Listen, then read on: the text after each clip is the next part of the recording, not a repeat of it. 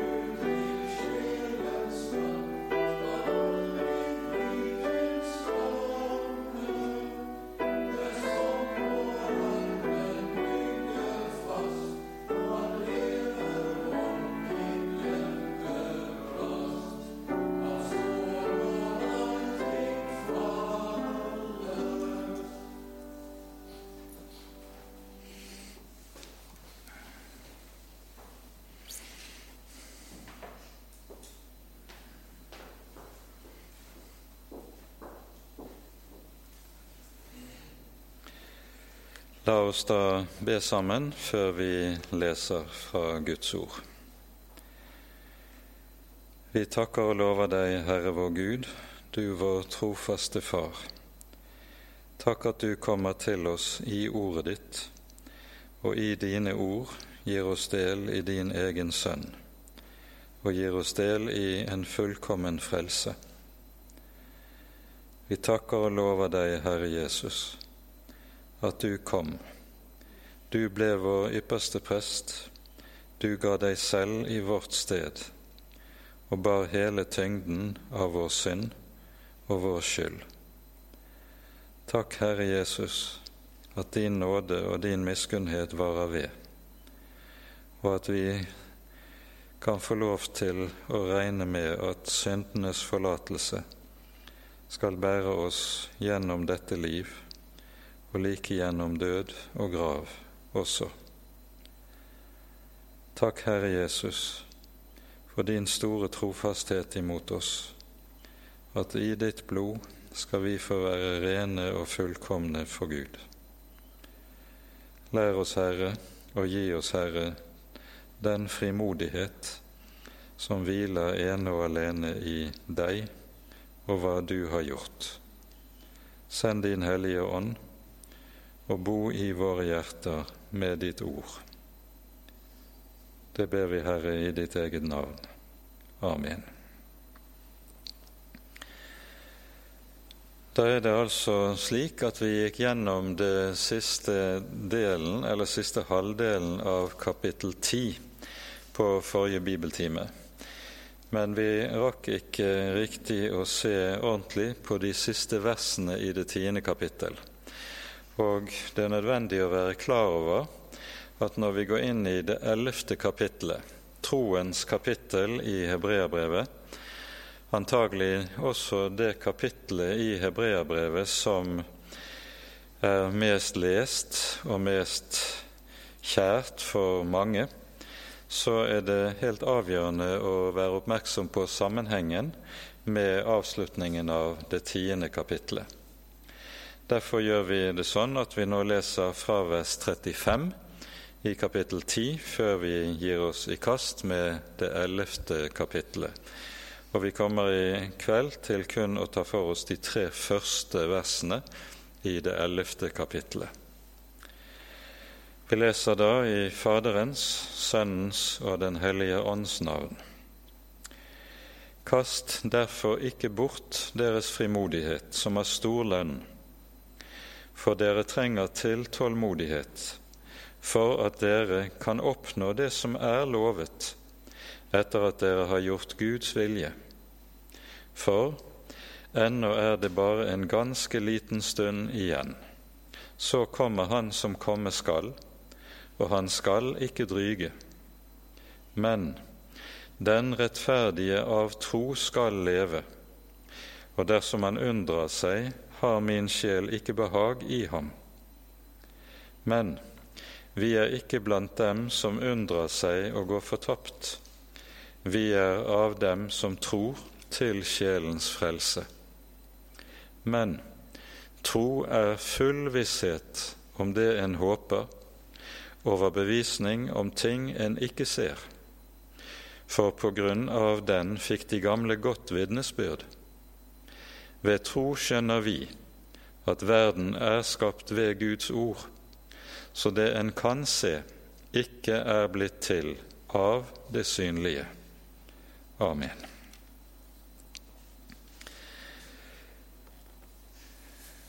Avsnittet vi har begynt på nå, det, starter altså med ordene 'Kast ikke bort deres frimodighet, som har stor lønn'.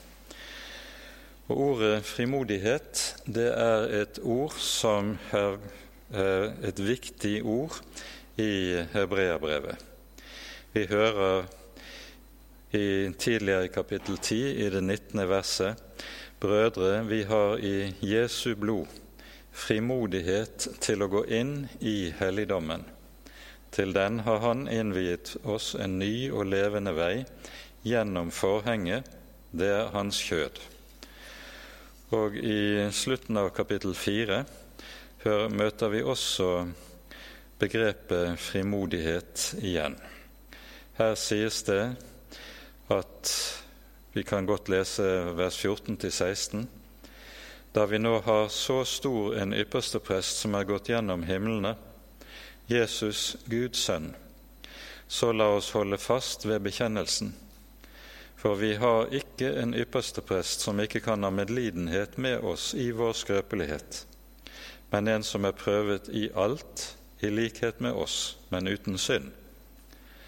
La oss derfor med frimodighet tre frem for nådens trone, for at vi kan få miskunn og finne nåde til hjelp i rette tid. Poenget her er at den kristne frimodighet det er for det første en frimodighet som gjelder ansikt til ansikt med den levende Gud. Hvis du først vet hvem du har med å gjøre i Han som er den levende og sanne Gud, så vil du også vite at det å tre frem for ham, det er ingen selvsagt ting. Han er den hellige, han er den som er en fortærende ild mot all synd og all urenhet. Og dersom han skulle se på deg og meg slik som vi er, så ville vi alle bli forkastet i dommen av ham. Derfor, hvis du vet hvem du har med å gjøre i Gud, da vil du frykte. Da vil du vite at det ikke er en selvfølge det å kunne tre frem for Hans ansikt. Da er det ikke en selvfølge det å nå frelst hjem gjennom dommen og døden. Tvert om. Det er et under som må til at det, hvis det skal kunne skje. For det annet så har begrepet frimodighet det med seg at det er grunnet i det Jesus er, og det Jesus har gjort. Frimodighet er ikke selvsikkerhet. Frimodighet er ikke selvfølgelighet. Frimodighet er det at en vet med seg selv at det Jesus har gjort, det er fullkomment tilstrekkelig til å holde i møte med den levende Gud, med den hellige. Det Jesus er, og det Jesus har gjort, det er det som bærer og som holder i møte med Gud. Intet annet holder, minst av alt det jeg selv er eller måtte ha å fare med. Det er utelukkende og ene og alene Jesu blod. Og det at Jesus er vår ypperste prest, som gjør tjeneste for oss i himmelen, det er ene og alene det som er grunnlag for den kristne frimodighet. Derfor er kristen frimodighet ikke selvsikkerhet, men det er visshet om at det Jesus har gjort, er nok. Det er den kristne frimodighets ryggrad og essens.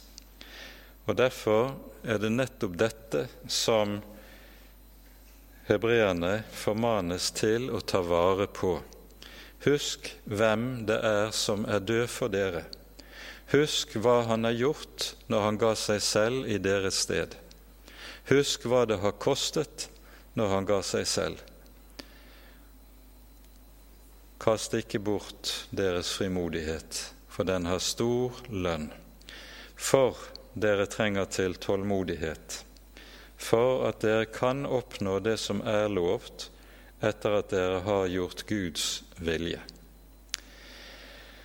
Og Det vi nå skal legge merke til, det er at i hele dette avsnittet som vi nå har for oss, frem til begynnelsen av det ellevte kapittel, det er tale om troen under håpets synsvinkel. Troen venter. Troen har gitt oss et evig håp, og det er dette håp som troen holder fast på, og ser frem imot. Og Det er nettopp dette som det nå er tale om fra vers 36 av. Dere trenger til tålmodighet for at dere kan oppnå det som er lovt, etter at dere har gjort Guds vilje. Og så kan vi i denne sammenheng kanskje få peke på romerbrevets, fra Romerbrevets åttende kapittel, hva som sies nettopp i denne sammenheng. Her sier eh, apostelen Paulus i Romane 8 fra vers 8.: Jeg er overbevist om at den nåværende tids lidelse ikke er for noe å regne mot den herlighet som skal åpenbares på oss. Tålmodigheten har dette perspektivet liggende i seg, at den ser og veier mot hverandre hva er vår korte lidelse her i denne tid mot det håpet, den herlighet som er oss lovet i Herren Jesus. Derfor er det altså det understrekes dette. Og Her understrekes det altså tålmodigheten fordi det er tale om kristne som opplever stor motgang og stor trengsel på grunn av troen på Jesus. Og så er de fristet til å gi opp. De er fristet til å vende tilbake til sin gamle, trygge tilværelse, der de ikke opplevde kors og trengsel for Jesu navns skyld. Og det er denne fristelsen som de trenger hjelp til og trøst for, og at de ikke skal falle i. Dere trenger til tålmodighet for at dere kan oppnå det som er lovet, etter at dere har gjort Guds vilje. Hva er det å gjøre Guds vilje? Det nye testamentet taler meget klart om hva det er. Når vi hører dette uttrykket 'å gjøre Guds vilje', så tenker vi umiddelbart på Guds hellige lov. Vi skal gjøre det som budene sier, og, og la være å gjøre det budene forbyr. Det er ikke primært det som ligger i dette begrepet slik som det anvendes her, og i de fleste sammenhenger i Det nye testamentet. Å gjøre Guds vilje det er to ting. Det er for det første å omvende seg fra synd, og for det andre å komme til Jesus og tro på Jesus. Det er å gjøre Guds vilje. Dette understrekes ikke minst i Johannesevangeliet i det sjette og syvende kapittel, og vi tar oss tid til å lese et par vers herfra også. I Johannesevangeliet kapittel seks hører vi at det sies slik i vers 39 og 40. Dette er Hans vilje som har sendt meg at jeg ikke skal miste noe av alt det Han har gitt meg, men reise det opp på den siste dag. For dette er min Fars vilje, at hver den som ser Sønnen og tror på ham, skal ha evig liv, og jeg skal reise ham opp på den siste dag. Guds vilje består i det å komme til Jesus og tro på Jesus det er å gjøre Guds vilje etter nytestamentlig språkbruk. Og Derfor er dette uttrykket som anvendes her, det, er, det ser vi jo også i den sammenheng eh, som hele avsnittet dreier seg om. Det er en sammenheng der man, de advares mot å falle fra troen på Jesus og vende tilbake. De skal gjøre Guds vilje, dvs. Si med tålmodighet holde fast ved troen på Jesus. Det er å gjøre Guds vilje. Og så er det da slik at å gjøre Guds vilje på denne måten, nemlig ved troen å bli i og henge fast ved Jesus, det er kilden til alt annet i det kristne liv, det vi gjerne kaller for gode gjerninger. Men hvis dette ikke er på plass, så vil alt det som ellers menneskene kaller gode gjerninger, ikke være annet enn fromme synder. Dette må en også være klar over hvis en vil tenke nytestamentlig om disse ting. For dere trenger til tålmodighet, for at dere kan oppnå det som er lovt, etter at dere har gjort Guds vilje. Og så kommer løftet som er knyttet til Jesu gjenkomst. For ennå er det bare en ganske liten stund igjen. Så kommer Han som komme skal, og han skal ikke dryge. Her møter vi et sitat fra Jesaja-boken, kapittel 26. Dere vil se det i notene under teksten. Det er vers 20 i Jesaja-boken, 26. kapittel. Og Her forstår vi at hebreerbrevets forfatter leser dette avsnittet hos Jesaja som en Messias-profeti.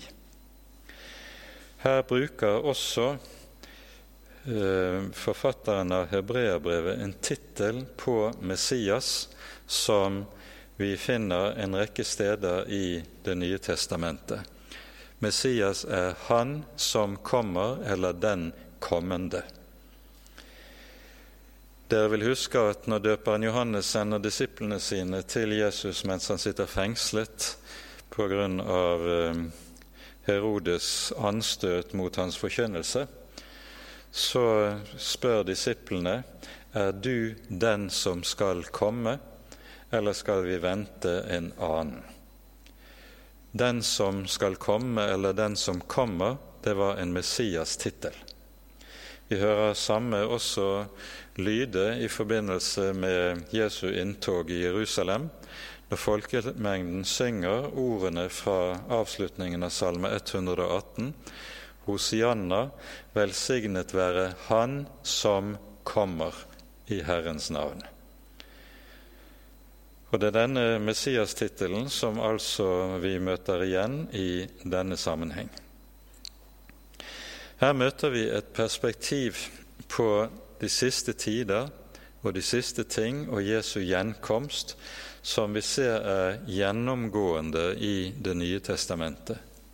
Det kan se ut til at de første kristne ventet at Jesus skulle komme nokså snart tilbake, og at det ikke skulle dryge altfor lenge. Dette hører vi i flere sammenhenger, bl.a. i 1. Tessalonikerbrevs fjerde kapittel. Der hører vi at Paulus tar opp eh, problematikken som har reist seg i forbindelse med at det er noen i menigheten i Tessaloniki som er døde. Dette har skapt en anfektelse hos enkelte i menigheten, for de trodde at Jesus skulle komme tilbake før døden begynte å gjøre sitt innhogg blant menighetens lemmer. Og så er det at Paulus tar opp da og svarer på denne anfektelsen i eh, det fjerde kapittelet i første Tessalonika-brev. Vi leser fra vers 13. Vi vil ikke, brødre, at dere skal være uvitende om dem som er sovnet inn, for at dere ikke skal sørge som de andre som ikke har håp. For så sant som vi tror at Jesus døde og sto opp, så skal Gud ved Jesus også føre dem som er sovnet inn, sammen med ham. For dette sier vi dere med et ord av Herren. Vi som lever og blir tilbake inntil Herren kommer, skal aldeles ikke komme i forveien for dem som er sovnet inn. For Herren selv skal komme ned fra himmelen med et bydende rop, med overengels røst og med Guds basun, og de døde i Kristus skal først stå opp. Deretter skal vi som lever og som er blitt tilbake, sammen med dem rykkes opp i skyer, opp i luften, for å møte Herren. Og så skal vi for alltid være sammen med Herren. Trøst da hverandre med disse ord. Slik er det apostelen taler og peker på at døden nok kommer til å gjøre sitt innhogg imellom oss. Det er menneskets lodd en gang å dø, og deretter dom, sies det tidligere i hebreerbrevet også. Så dette skal ikke volde et troende menneske noen som helst anfektelse. Men vi skal legge merke til Paulus sitt uttrykk. Vi skal ikke sørge således som de som sørger uten håp. Vi kan nok sørge når våre kjære tas bort og lider døden. Men vi sørger ikke uten håp. Så sant den det gjelder, har troen på Jesus, så sørger vi med håp. Og det er en meget stor forskjell på de to ting å sørge med håp og det å sørge uten håp. Dette skal vi også ha klart for øye.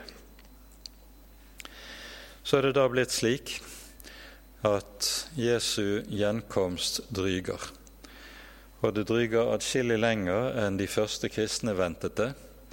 Men i forbindelse med nettopp dette at tessalonikerne var urolige når det gjaldt disse ting, så vender Paulus tilbake til problematikken i andre Tessalonika-brev. Her er situasjonen den at det er kommet predikanter til eh, Tessaloniki som forvirrer menigheten noe voldsomt. De sier at Jesu gjenkomst står like for døren, og så får de noen i menigheten til å forlate sitt daglige arbeid og sette seg ut i fjellene og se opp mot himmelen og vente på at Jesus skal vise seg. Han Tessalonika-brev har dette som noe av et hovedtema. Og kapittel to så lærer Paulus at det må skje bestemte ting forut for at Herren kommer tilbake. Og vi tar oss tid til også å lese et par vers herfra. Vi ber dere, brødre, når det gjelder vår Herre Jesu Kristi komme og vår samling med ham. La dere nå ikke så snart drive fra vett og sans. La dere ikke skremme verken ved noen ånd eller ved noe ord eller ved noe brev som sies å komme fra oss, og som går ut på at Herrens dag allerede er her. La ingen bedra dere på noe vis, for først må frafallet komme, og lovløshetens menneske åpenbares, fortapelsens sønn. Her lærer Paulus altså meget tydelig at det må skje bestemte ting før Jesus kommer tilbake for annen gang. Han sier to ting. Paulus nevner her to ting. Han sier først må frafallet komme. For at det skal være et frafall, så må det være en kristenhet som vender troen ryggen. For det er bare kristne, det er bare troende mennesker som kan falle fra.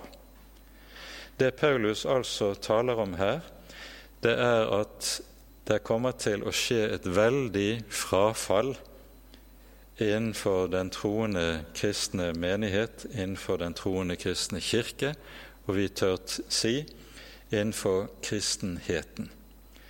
Dette frafall det forbereder så at lovløshetens menneske skal åpenbares. Og lovløshetens menneske det er en av titlene på Antikrist. Paulus bruker ikke tittelen Antikrist i sine brever. Det er en tittel vi kun finner hos apostelen Johannes i hans første og annet brev. Og så møter vi et annet bilde i åpenbaringsboken, nemlig bildet av dyret. Men det er samme person og samme skikkelse det taler om alle steder. Vi merker oss at denne antikristen han kalles lovløshetens menneske. Og et par vers nedenfor i dette kapittelet så sier Paulus i det syvende verset lovløshetens hemmelighet er allerede virksom. Og Med dette uttrykket så sier Paulus også meget tydelig hva dette frafall som skal komme til å skje, skal være preget av. Det skal være preget av lovløshet. Lovløshet det betyr helt konkret fiendskap mot Guds hellige lov, mot Guds bud. Det er altså ikke tale om et frafall der Jesus i, og for seg fornektes, men det er tale om et frafall som fornekter budene og budenes gyldighet. Antagelig er det et frafall som vil være kjennetegnet med at en pukker på den kristne frihet, og den kristne frihet tillater at en kan leve som en måtte ønske det i forhold til Guds bud. Dermed er vi midt inne i vår egen tid, uten at vi skal behøve å si så veldig mye mer om det i denne sammenheng. Men det vi altså skal være klar over, det er at Skriften gjør det meget klart at et sånt frafall som her beskrives, det skal skje forut for Herren Jesu komme, og lovløshetens menneske, eller lovløshetens sønn, må tre inn på arenaen forut for Jesu gjenkomst. Det betyr at det ennå er en ventetid som gjenstår for oss. En del av det som vil komme til å prege denne ventetid, det omtales i 2. Peters brev i det tredje kapittelet. Her hører vi at nettopp fordi Jesus ser ut til å vente, og hans gjenkomst ser ut til å utebli, så vil menneskene begynne å spotte. Vi leser i 2. Peter kapittel 3, fra vers 3. Her står det slik.: Dette skal dere først og fremst vite, at i de siste dager skal det komme spottere med spott, som farer frem etter sine egne lyster, jf. det vi sa om lovløsheten. Og de sier, Hvor er det blitt av løftet om Hans gjenkomst? For fra den tid fedrene sovnet inn, forblir alt slik det var vært fra skapningens begynnelse. Slik er det at menneskene også nettopp i forbindelse med det frafall som er forutsagt, også vil fornekte sannheten om Kristi gjenkomst, og det er ikke lenger noen forventning som vil komme til å gjøre seg gjeldende. Og så er det at hebreerbrevet da understreker med ordene fra Jesaja 26 det er ennå bare en ganske liten stund. Når ordet en liten, eller uttrykket 'en liten stund' anvendes, så er det fordi dette er det grunnleggende perspektiv på menneskets liv og menneskelivets forgjengelighet. Dette er en sannhet som eh, understrekes i en rekke sammenhenger i vår Bibel. Menneskelivet sammenlignes med det blomstrende gress. Det blomstrer friskt og grønnes om morgenen. Om aftenen svis det av vinden og visner bort. Det er menneskets liv. Og det er dette perspektivet, den korte stund som vi har her på jorden, som en kristen skal øve seg i å se livet under. Det er under dette perspektivet vi skal vurdere våre egne liv og vår egen tilværelse. Og Det er derfor det også sies i forlengelsen av nettopp slike tekster i Skriften Lær oss å telle våre dager, at vi kan få visdom i hjertet. Livet er så kort. Tell dagene og vit hvor kort din tilværelse på jorden er, og bruk disse, denne, din tilmålte tid rett. Å bruke den tilmålte tid rett, det er nettopp det som vi har talt om.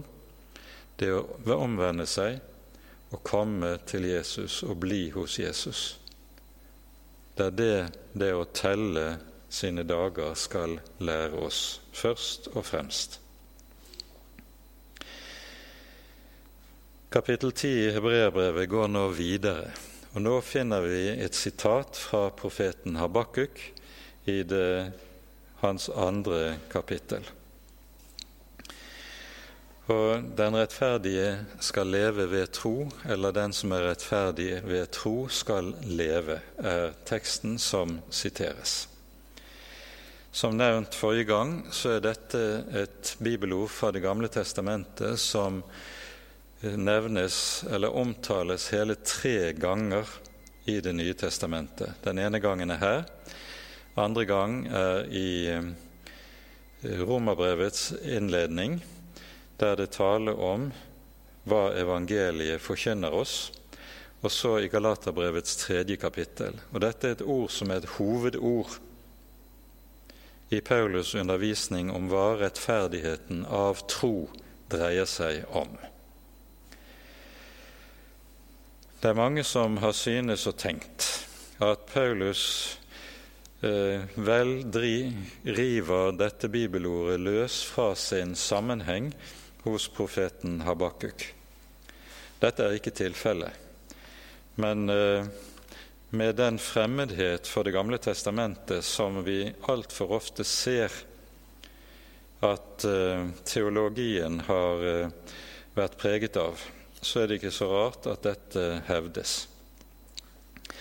Det som er sammenhengen i profetordet hos profeten Habakuk, det er at um, profeten Habakuk egentlig ikke har et budskap som forkynnes for folket. I stedet er det tale om at profeten eh, lever med en anfektelse som han klager sin nød til Gud på grunn av. Så i det første kapittel så hører vi denne nød skildres for oss, og så i kapittel to hører vi hvordan profeten venter på at Herren vil svare på hans klage og hans nødrop, får svar på denne, og så i kapittel tre kommer det en lovsang som profetens svar på Guds åpenbaring som har gitt lys over situasjonen. Og Det som er situasjonen, det er at for det første det er en veldig ugudelighet som gjør seg gjeldende i folket, og et veldig frafall. Og så har Herren gjort det klart at av dette frafall vil han sende kaldeerne, dvs. Si babylonerne, som et vredens ris over folket til å dømme, straffe og tukte det for dets ugudelighet. Dette får profeten til å forferdes veldig.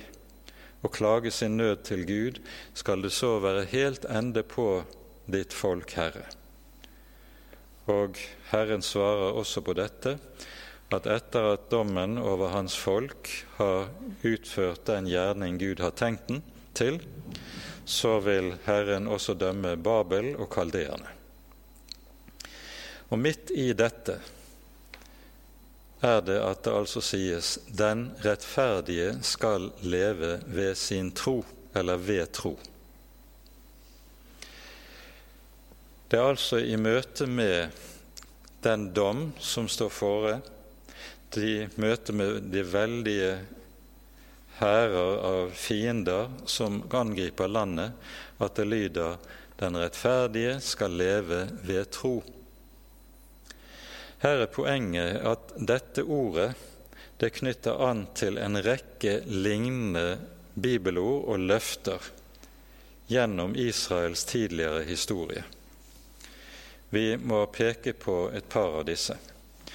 For det første leser vi hos profeten Jesaja i det syvende kapittel om hvorledes Jerusalem og kongen i Jerusalem angripes av en fiende her som er ham fullstendig overmektig. Vi hører det sies at folkets og, og kongens hjerter de skjelver som ospeløv i vinden.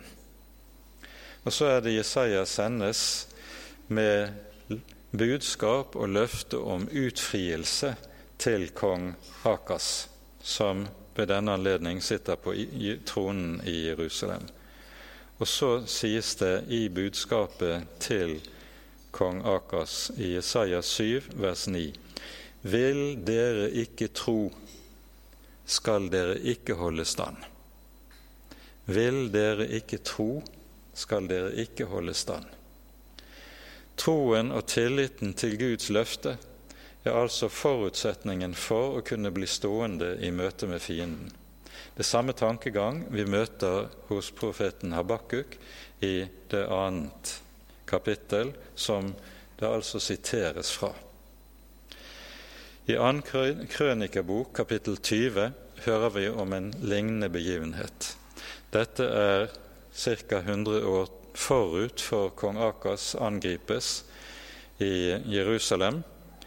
Og det er Josafat som er konge i, Jerusalem rundt år 830-840 før Kristus.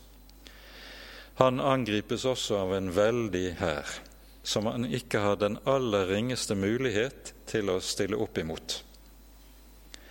Og så er det at Josafat, som en av de frommeste og beste konger i Jerusalem, roper til Herren i sin nød, og så kommer Herrens ord til kongen og til folket i denne situasjonen. Vi leser i 2. Krønikabok 20, fra vers 14. Da kom Herrens ånd over levitten Jehasiel, sønn av Zakaria, osv. Han sa:" Hør etter hele Juda og dere Jerusalems innbyggere, og du, kong Josafat, så sier Herren til dere:" Frykt ikke, denne store hær skal dere ikke reddes for, for denne krig er ikke deres, men Guds. Og så slår folket seg til ro, gjør etter Guds befaling, og når de morgenen etter bryter opp for å møte hæren av fiender, så leser vi fra vers 20. Morgenen etter bryter de tidlig opp og dro av sted ned til Tekoa-ørkenen. Med det samme de dro ut, sto Josafat frem og sa:" Hør på meg, Juda, og dere Jerusalems innbyggere. Tro på Herren deres Gud. Så skal dere holde stand. Tro på Hans profeter, så skal dere ha lykke med dere. Og så skjer altså det. Folket tror Herrens ord. Og uten at de behøver å løfte sverd, tilintetgjøres fienden. Det er samme sak vi møter igjen. Dette er altså en rød tråd som går igjen i en rekke sammenhenger der Guds folk står i en ytterst kritisk situasjon og får dette løftet. Den rettferdige skal leve ved tro. Samme sak går tilbake like til det som skjedde med Israels folk i forbindelse med utgangen av Egypt, og det vi hører om Israels folk under ørkenvandringen.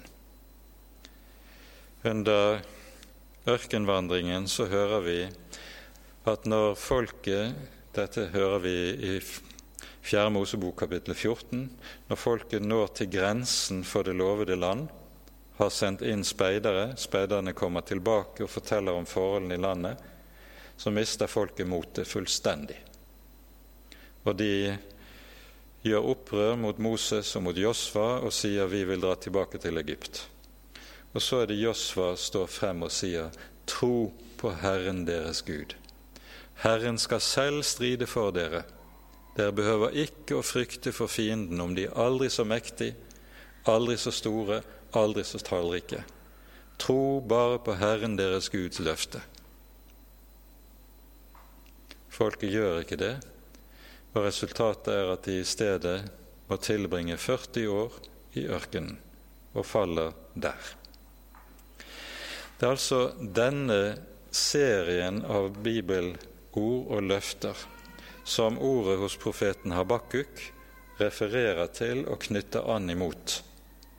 Og det er dette som siteres her i Hebreane 10.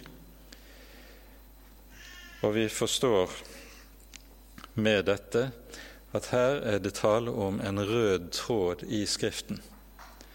Og denne røde tråden går like tilbake, slik apostelen Paulus peker på det, til Guds ord til Abraham i det 15. kapittel i Første Mosebok. Abraham får Guds løfte inn i en fullstendig umulig situasjon. Han er godt over 90 år gammel, klager til Gud over at Gud ikke har gitt ham noen sønn slik han hadde lovet, og Herren sier, du skal bli far til en mengde folkeslag. Som tallet på stjernene under himmelen, slik skal din ett bli. Som tallet på sanden ved havets bredd, slik skal din ett bli. Og så står det om Abraham. Abraham trodde Gud, og det ble regnet ham til rettferdighet. Paulus knytter disse tekstene sammen og lærer oss med dette det grunnleggende at livet i Gud hviler nettopp i denne tro på Guds løfte. Det er det det handler om. Dermed så er det pekt på det helt avgjørende som hebreerbrevet har vært inne på i en rekke sammenhenger. Det understrekes med særlig styrke i det tredje kapittel, der ordene fra Salme 95 bearbeides og hentes frem. Det er ordene som taler om å høre Guds røst.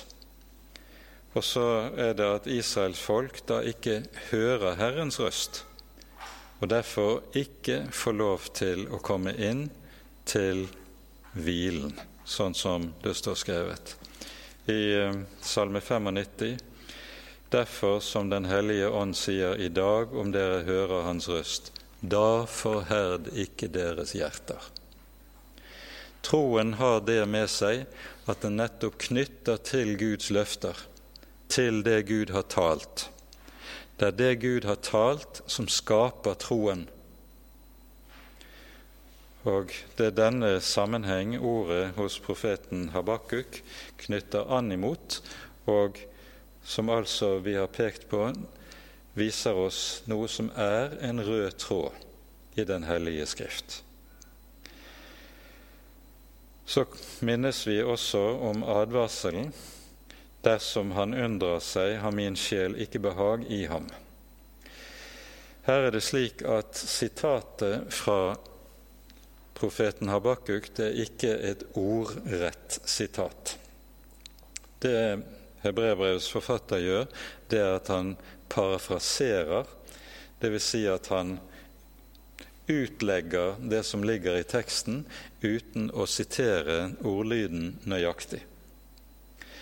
Når han siterer ordlyden nøyaktig, så innleder han det som regel med et ord som sier 'det står skrevet', eller 'Den hellige ånd sier' eller 'taler'. Men denne innledningsformelen, som det gjerne kalles, den står ikke i forbindelse med dette ordet. og Det er nettopp fordi at her parafraserer hebreerbrevets forfatter bibelteksten i stedet for å sitere den direkte.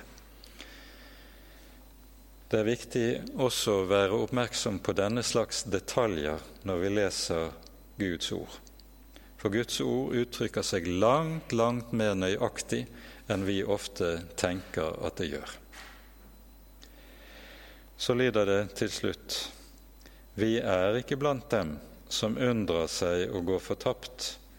Vi er av dem som tror til sjelenes frelse. Å undre seg, det er noe som på ny og på ny kom til å vise seg i Israels folks liv og historie. Vi hører i bestemte sentrale avsnitt i eh, Den hellige skrift Gud sukker, han har gitt dem sitt løfte, og så sies, sies det om Israels folk men dere ville ikke. Dere ville ikke høre, sier Herren til sitt folk. Det samme gjentas i Det nye testamentet. Vi kan her bare minne om ganske kort.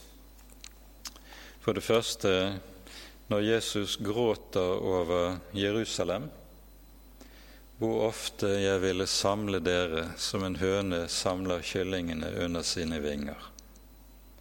Men dere ville ikke. Visste du i dag hva som tjente til din fred?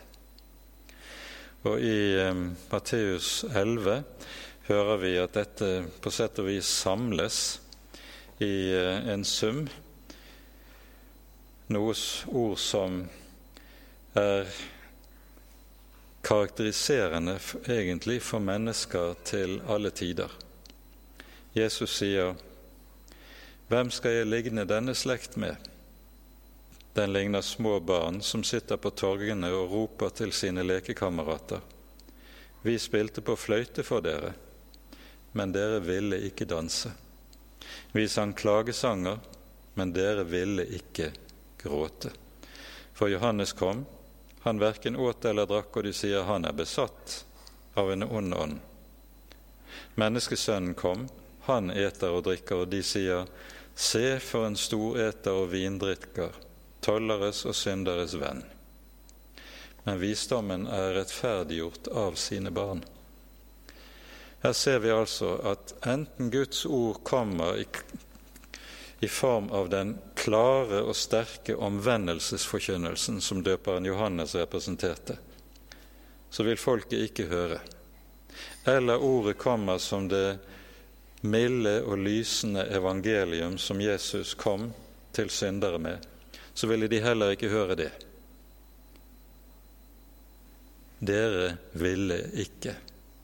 Dette er Guds sukk over folket, og det er Guds sukk over den kristne kirke også i våre dager.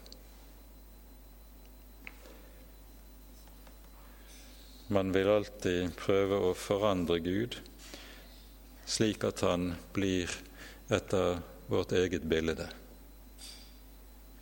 Dere ville ikke. Vi er ikke som de som undrer seg til fortapelse, men som de som tror til sjelenes frelse. Måtte det få gjelde for hver og en av oss. Og så er det at kapittel 11 begynner. Men tro er. Det første verset i Hebreerne 11 kalles ofte rett og slett for en trosdefinisjon.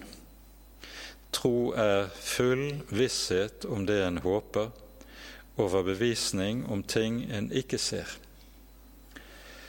Det som er vansken med dette bibelverset, det er at det, slik grunnteksten uttrykker seg, egentlig har dobbelt betydning. Svarende til at begrepet tro også har en dobbelt betydning.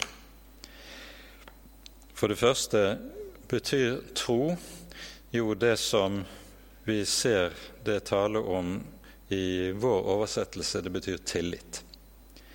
Tro er tillit til Jesus. Tro er tillit til Guds ord. Slik som det har vært beskrevet, tro er tillit til Jesus som vår øverste prest, som har lidd døden i vårt sted. Det er det som troen er. Det er en tillit til personen Jesus Kristus. Og med tillit er det jo slik som det er mellom oss mennesker. Det er noe som beskriver et personforhold som gir fellesskap mellom to. Har jeg tillit til et annet menneske, da jeg også, står jeg i et personfellesskap med dette mennesket.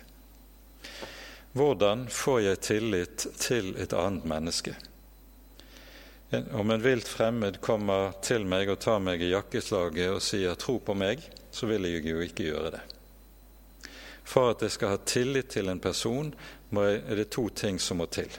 Jeg må kjenne ham, og når jeg kjenner ham, og jeg har lært ham å kjenne som en som er sannferdig og troverdig En person som er sannferdig og troverdig, og som jeg kjenner godt, han er det vi kaller for tillitvekkende.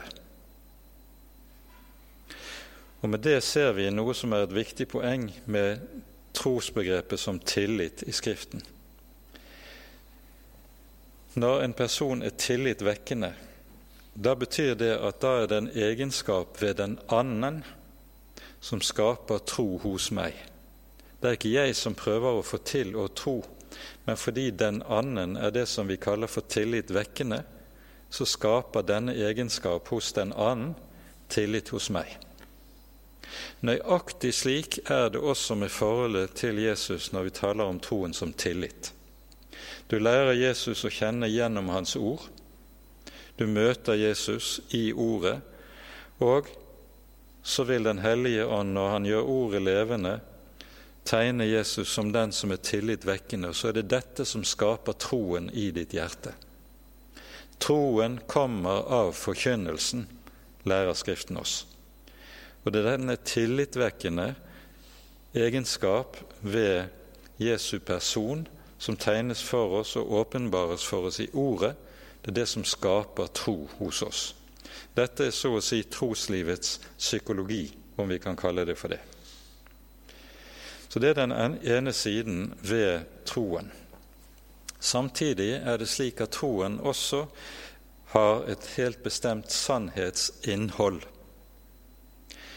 Og Det er det som vi understreker når vi sier i Kirken 'la oss bekjenne vår hellige tro'. Da sier vi ikke noe om hvor stor tillit vi har i våre egne hjerter, men vi sier noe om hva, hvilket innhold troen faktisk har. Vi setter ord på innholdet. Og Disse to betydningene av ordet tro, begge de to ligger i det som vi hører her i vers 1. For poenget her er at det ordet som etter grunnteksten er oversatt med full visshet, det er et ord som nettopp har en slik dobbelt betydning. Der en kan ha betydningen nettopp full visshet, og beskriver dermed noe subjektivt i mitt eget hjerte. Men tro, dette ordet kan samtidig også bety grunnvoll eller basis.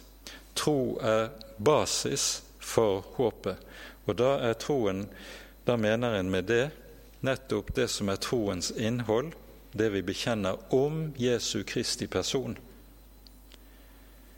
Troens basis er det som det er basisen for håpet. Troen er håpets basis, om vi skulle oversette det nøyaktig. Denne dobbelthet ligger i grunnteksten, og den er nesten umulig å oversette på enkel måte. Og vi ser altså at oversetterne her har valgt den ene muligheten. Dernest sies det at troen er overbevisning. Overbevisning om ting en ikke ser. Og på ny er vi fremme ved noe her som er viktig å være oppmerksom på. Hva er en overbevisning for noe? Vi sier jo av og til at et menneske har en slik og en slik overbevisning. Det er en unøyaktig måte å uttrykke seg på, fordi det er slett ikke slik det er. Rent psykologisk er det motsatt. Der det er en reell overbevisning til stede hos et menneske, der er det overbevisningen som har mennesket. En overbevisning har det med seg at der den sitter i et menneskes hjerte og samvittighet, der råder overbevisningen over tankeliv, over følelsesliv, over viljesliv. Det er overbevisningen som har meg, ikke jeg som har overbevisningen. Overbevisningen har derfor en helt spesiell rolle i kristenmenneskets sinn, hjerte og tankeliv. Overbevisningen har det med seg at dette er noe som bare kan skapes av Den hellige ånd. Og Derfor er det Jesus sier i Johannesevangeliet kapittel 16 at når Han kommer, sannhetens ånd, da skal Han overbevise. Dette kan nemlig ikke du og jeg gjøre. Et menneske kan ikke med sine overtalelseskunster skape en overbevisning i et annet menneskes hjerte. Dette er noe som Den hellige ånd er alene om å kunne gjøre. Og han gjør det gjennom å holde frem for oss Guds hellige ord. Ordet i lov og evangelium er det som skaper troens overbevisning i menneskers hjerter. Og Derfor er det slik at det vi leser her i det første verset i Hebreane 11, det knytter seg mot disse helt sentrale sannheter ellers i Skriften. Og så understreker vi at tro er full visshet om det en håper. Det er det som var Abrahams tro. Han hadde enda ikke sett det minste tegn til at han skulle bli far til en mengde folkeslag. Han måtte enda vente flere år inntil han var fylt hundre. Da oppfylte Gud løftet. Men han trodde. Gud hadde skapt overbevisning i hans hjerte. Og så var overbevisningen visshet om det han håpet. Det var en overbevisning om det han ikke kunne se, men en dag i fremtiden skulle få se. Dette vender Hebreerne 11 tilbake til lenger ute i kapittelet, men vi nevner Abrahams historie allerede her til belysning av det. Og Så sies det i vers 2.: For på grunn av troen fikk de gamle godt vitnesbyrd. Og Her møter vi et uttrykk som dukker opp en rekke ganger her i kapittel 11. For hva slags vitnesbyrd er det de får? Ikke menneskers vitnesbyrd, de får vitnesbyrd fra Gud. Og Her skal vi minne om ordene i Paulus i 2. Korinterbrev 10. kapittel, der Paulus sier 'ikke den som gir seg selv skussmål, holder prøve', men den Gud gir skussmål. Og Gud har gitt vitnesbyrd. Gud har vitnet om Abrahams tro, Isaks tro, Jakobs tro, fedrenes tro, slik vi hører det gjennom Skriftene. Det er Guds vitnesbyrd det taler om her, ikke selvvitnesbyrd. Det er Guds vitnesbyrd. Og så slutter dette avsnittet med det tredje verset, med å vise til skapelsen. Ved tro skjønner vi at verden er skapt ved Guds ord, så det en kan se, ikke er blitt til av det synlige. Her er det to ting vi skal merke oss. I all korthet For det første troen er noe som skaper forståelse. Denne forståelsen den kan ikke et menneske som ikke har tro, eie. Troen skaper en særlig forståelse, og ikke minst gjelder det forståelse i forhold til det som har med skaperverket å gjøre. Det er det første. Det andre ved tro skjønner vi at verden er skapt ved Guds ord, så det en kan se, ikke er blitt til av det synlige. Guds ord henger uløselig sammen med skapelsen. Dere vil alle huske hvorledes skapelsesberetningen i Første Mosebok begynner. I det tredje verset lyder det Da sa Gud, bli lys, og det ble lys. Gud skaper ved Ordet. Og så hører vi i kapittel 1 i Første Mosebok at Gud ti ganger taler, og Guds ti taler er det som skaper hvert enkelt trinn i tilblivelsen av jorden, av universet. Gud sa, og det ble. De ti ord fra Guds munn, det er det som skaper, slik vi leser det i Første Mosebok 1. Og Derved ser vi det grunnleggende. For det første at det er Guds ord som skaper virkeligheten, og for det andre for den som hører og tar til seg dette ord, så er det Guds ord som definerer forholdet til virkeligheten. Det er Guds ord som har definisjonsmakten. Det er Gud som har definisjonsmakten i tilværelsen i kraft av at han er skaper. Nettopp dette er det kanskje det i våre dager ganske særlig gjøres opprør mot. Det er det vi ser i alt det som har med forvirringen å gjøre, og opprøret mot Bibelens tale om skapelsen av mennesket som mann og kvinne, og den menneskelige identitet som noe som er gudgitt. Gud er den som ved i kraft av å være skaper også er den som har definisjonsmakten i tilværelsen. Og Det er det som også understrekes i det som lyder her i det tredje verset i Hebreerne 11. Det er meget mer å si om det, men vi rekker det ikke i denne sammenheng. Jeg tror vi er kommet til, den tid at vi må sette punktum for i kveld. Men vi får tale mer om det neste gang. Neste bibeltime blir da onsdag om to uker. Det blir den 24. mai. Ære være Faderen og Sønnen og Den hellige ånd, som var og er og være skal, en sann Gud, høylovet i evighet. Amen. La oss sammen be Herrens bønn. Vår Far i himmelen. La navnet ditt helliges. La riket ditt komme. La viljen din skje på jorden slik som i himmelen. Gi oss i dag vårt daglige brød, og tilgi oss vår skyld, slik også vi tilgir våre skyldnere. Og la oss ikke komme i fristelse, men frels oss fra det onde. For riket er ditt, og makten og æren i evighet. Amen.